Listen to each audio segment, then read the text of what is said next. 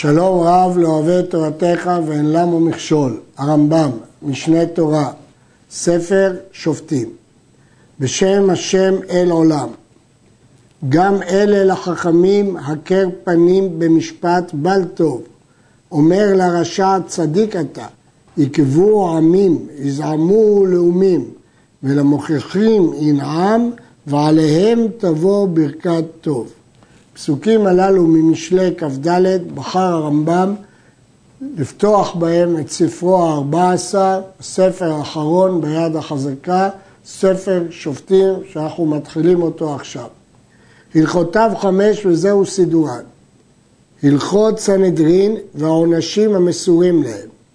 הלכות עדות, הלכות ממרים, הלכות אבל, הלכות מלכים ומלחמותיהם. הלכות סנהדרין והעונשים המסורים להם.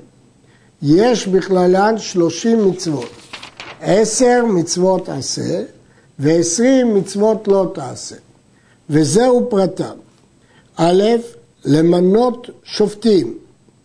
במניין הקצר הוא הוסיף בכל קהל וקהל. ב', שלא למנות דיין שאינו יודע דרך המשפט. לנטות אחרי רבים אם נחלקו השופטים. בספר המצוות הרמב"ם מנה את זה לאו דווקא על בלדין, אלא בכלל ללכת אחרי רבים.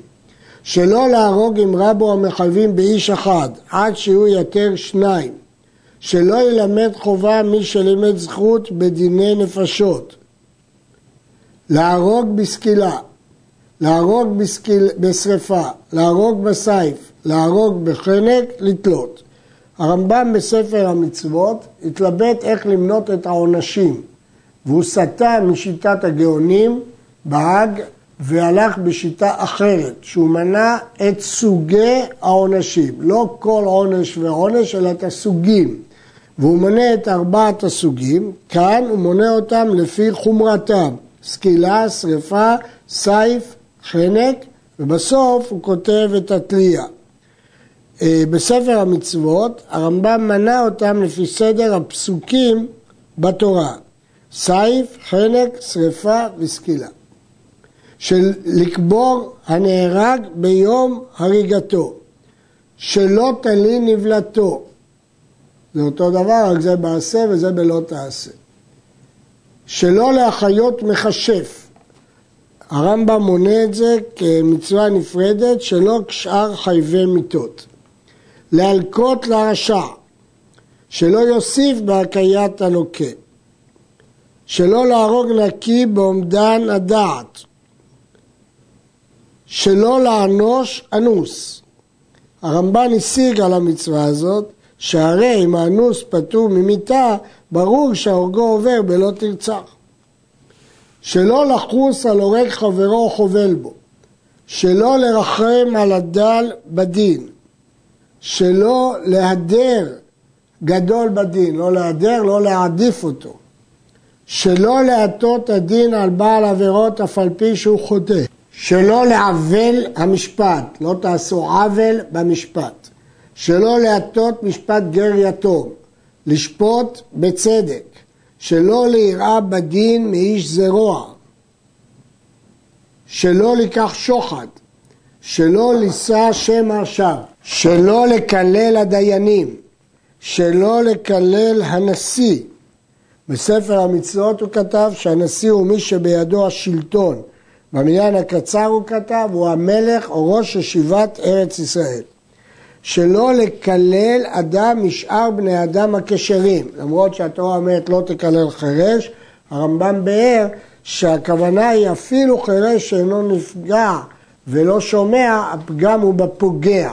וביאור מצוות אלו בפרקים אלו. פרק ראשון, מצוות עשה של תורה למנות שופטים ושוטרים בכל מדינה ומדינה ובכל פלך ופלך, שנאמר שופטים ושוטרים תיתן לך בכל שעריך. לפי הרמב"ם המצווה גם בארץ וגם בחוץ לארץ מהתורה. כתוב במשנה סנהדרין נוהגת בארץ ובחוץ לארץ, ולפי הרמב"ם שניהם מהתורה. שופטים אלו הדיינים הקבועים בבית דין, ובעלי דינין באים לפניהם. זאת הגדרה של שופטים. בברייתא מובא שיש חיוב למנות בכל שבט ושבט ובכל עיר ועיר. הרמב"ם השמיט את כל שבט ושבט. ויש שכתבו ששבט ושבט זה רק במקרה שהערים לא ראויות לסנהדרין.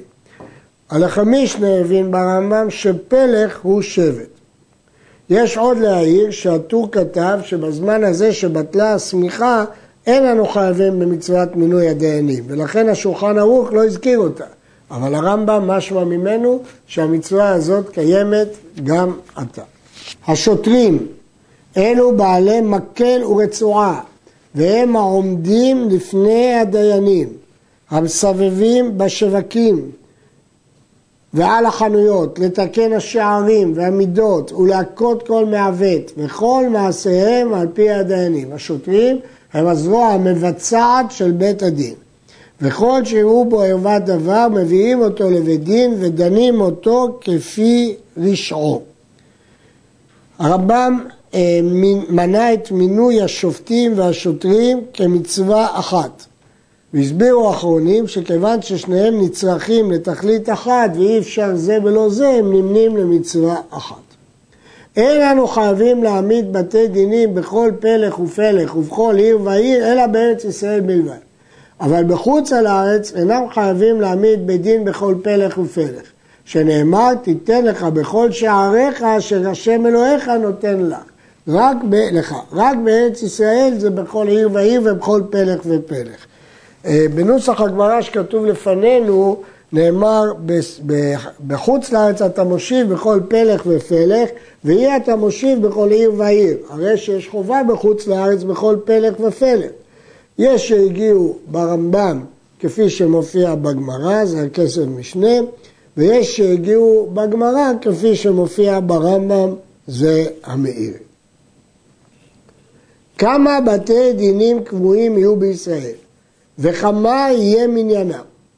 קובעים בתחילה בדין הגדול במקדש, והוא הנקרא סנהדרי גדולה. הרמב"ם הקדיש, אמר מקדש ודייק מכאן בספר יד פשוטה שאין חובת דווקא בלשכת הגזית אלא בבית המקדש.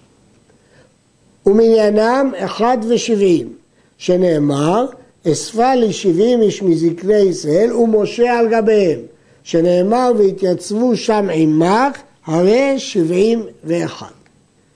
הגדול בחוכמה שבכולן, מושיבים אותו ראש עליהם, והוא ראש הישיבה.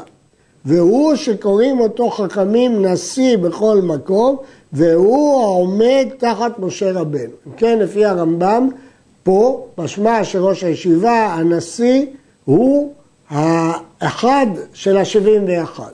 לא מחוץ ל-71, אלא הוא האחד שב-71.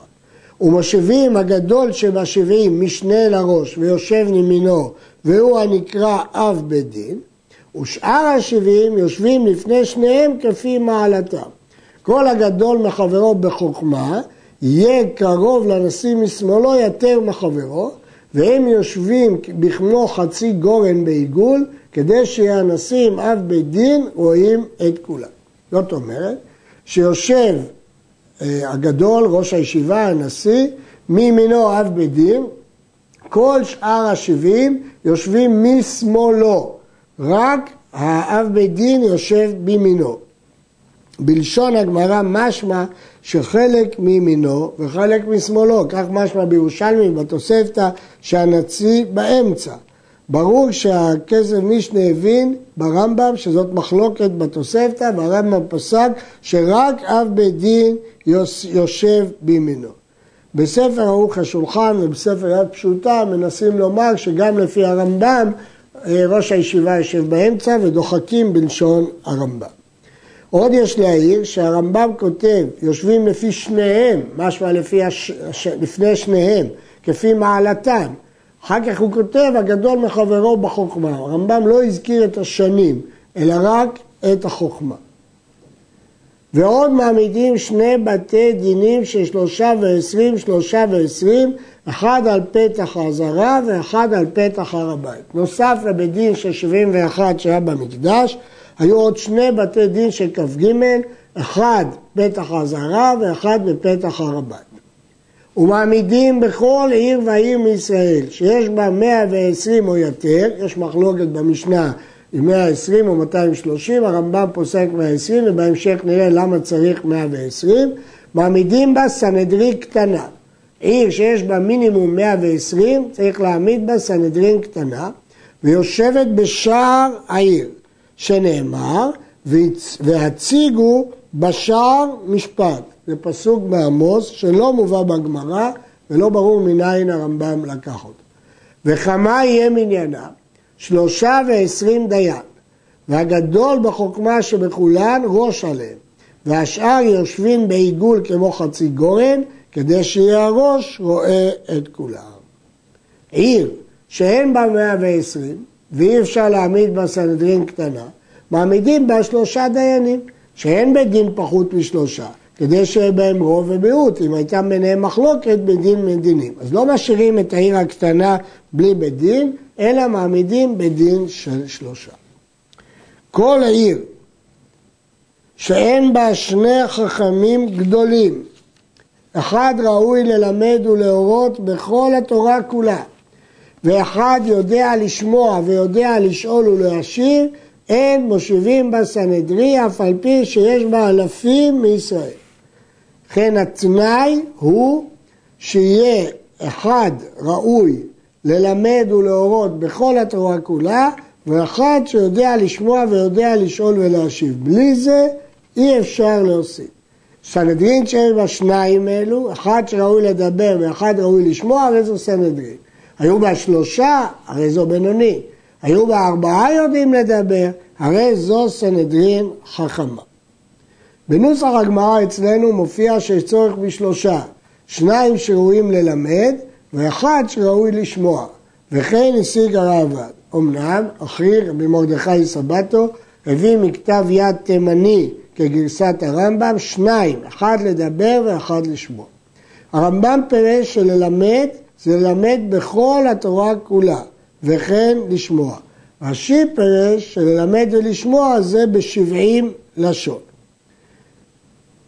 הכסף משנה אומר שאף לרמב"ם שאר הדיינים צריכים לדעת, אבל לא בכל התורה כולה, אלא בקצת דינים.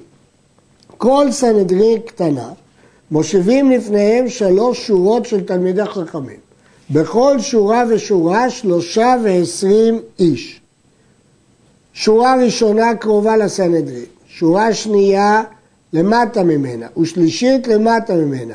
וכל שורה ושורה יושבים בה לפי מעלתם בחוכמה. כך מובא בבבא בתרא, בישיבה הלך אחר החוכמה. אם יחלקו הסנהדרין וצרכו לסמוך אחד להוסיף על מניינם, הרי כשיש מחלוקת אז מוסיפים דיינים, מוסיפים שני דיינים, או לפי רש"י כשמת אחד מהדיינים צריך להוסיף דיין, סומכים מן הראשונה הגדול שבה. והראשון שבשורה השנייה בא ויושב בסוף שורה ראשונה כדי למלות חסרונה. והראשון שבשלישית בא ויושב בסוף שורה שנייה. כלומר, הם לא יושבים במקום החסר, אלא מתקדמים, כל אחד מקום. ובוררים להם אחד משאר הקהל ומושיבים אותו בסוף השורה השלישית. וכן הם צריכו לסמוך שני או שלישי, על הסדר הזה הם עושים. כל מקום שיש בו סנהדרין, יהיו שם שני סופרי דיינים עומדים לפניהם, אחד מן הימין ואחד מן השמאל. אחד כותב דברי המזכים ואחד כותב דברי המחייבים. רש"י הבין שיש צורך ששניהם יכתבו את דברי המזכים והמחייבים, אבל הרמב"ם מבין שצריך אחד כותב דברי המזכים ואחד כותב דברי המחייבים. ולמה אין מעמידים סנהדרין על הבעיר שיש בה 120? כדי שיהיו מהם סנהדרין של 23 ושלוש שורות של תשעה ושישים. הרי אמרנו שיש שלוש שורות של תלמידי חכמים שיושבים בפניהם, ואמרנו שבכל שורה 23, אז אם כן ביחד זה תשעה ושישים. ועשרה בטלנים של בית הכנסת שמיועדים לכל מיני צורכי ציבור, ושני סופרים, שאחד עומד מימין ואחד משמאל, ושני חזנים, דהיינו גבאים, ושני בעלי דינים, כי אחרת אין את מי לדון, ושני עדים, כי אחרת איך ידונו, ושני זוממים כדי לאיים על העדים, ושני זוממי זוממים כדי לאיים על הזוממים, ושני גבאי צדקה, ועוד אחד כדי שיהיו שלושה לחלק הצדקה. חוץ משני הגבאים צריך שלושה כדי לחלק, לגבות בשניים, אבל חלוקה צריך שלושה כמו בית דין. ועוד אחד בעיר, כדי ש... ורופא אומן, יש גורסים בגמרא ורופא ואומן, מקיס דם, אבל הרמב"ם לא גרס אלא רופא אומן, וכך המספר יוצא בדיוק. ולבלר, ומלמד תינוקות, הרי מאה ועשרים. לפי אלה שגורסים רופא ואומן, אז הם משמיטים את השלישי של הצדקה. עד כאן.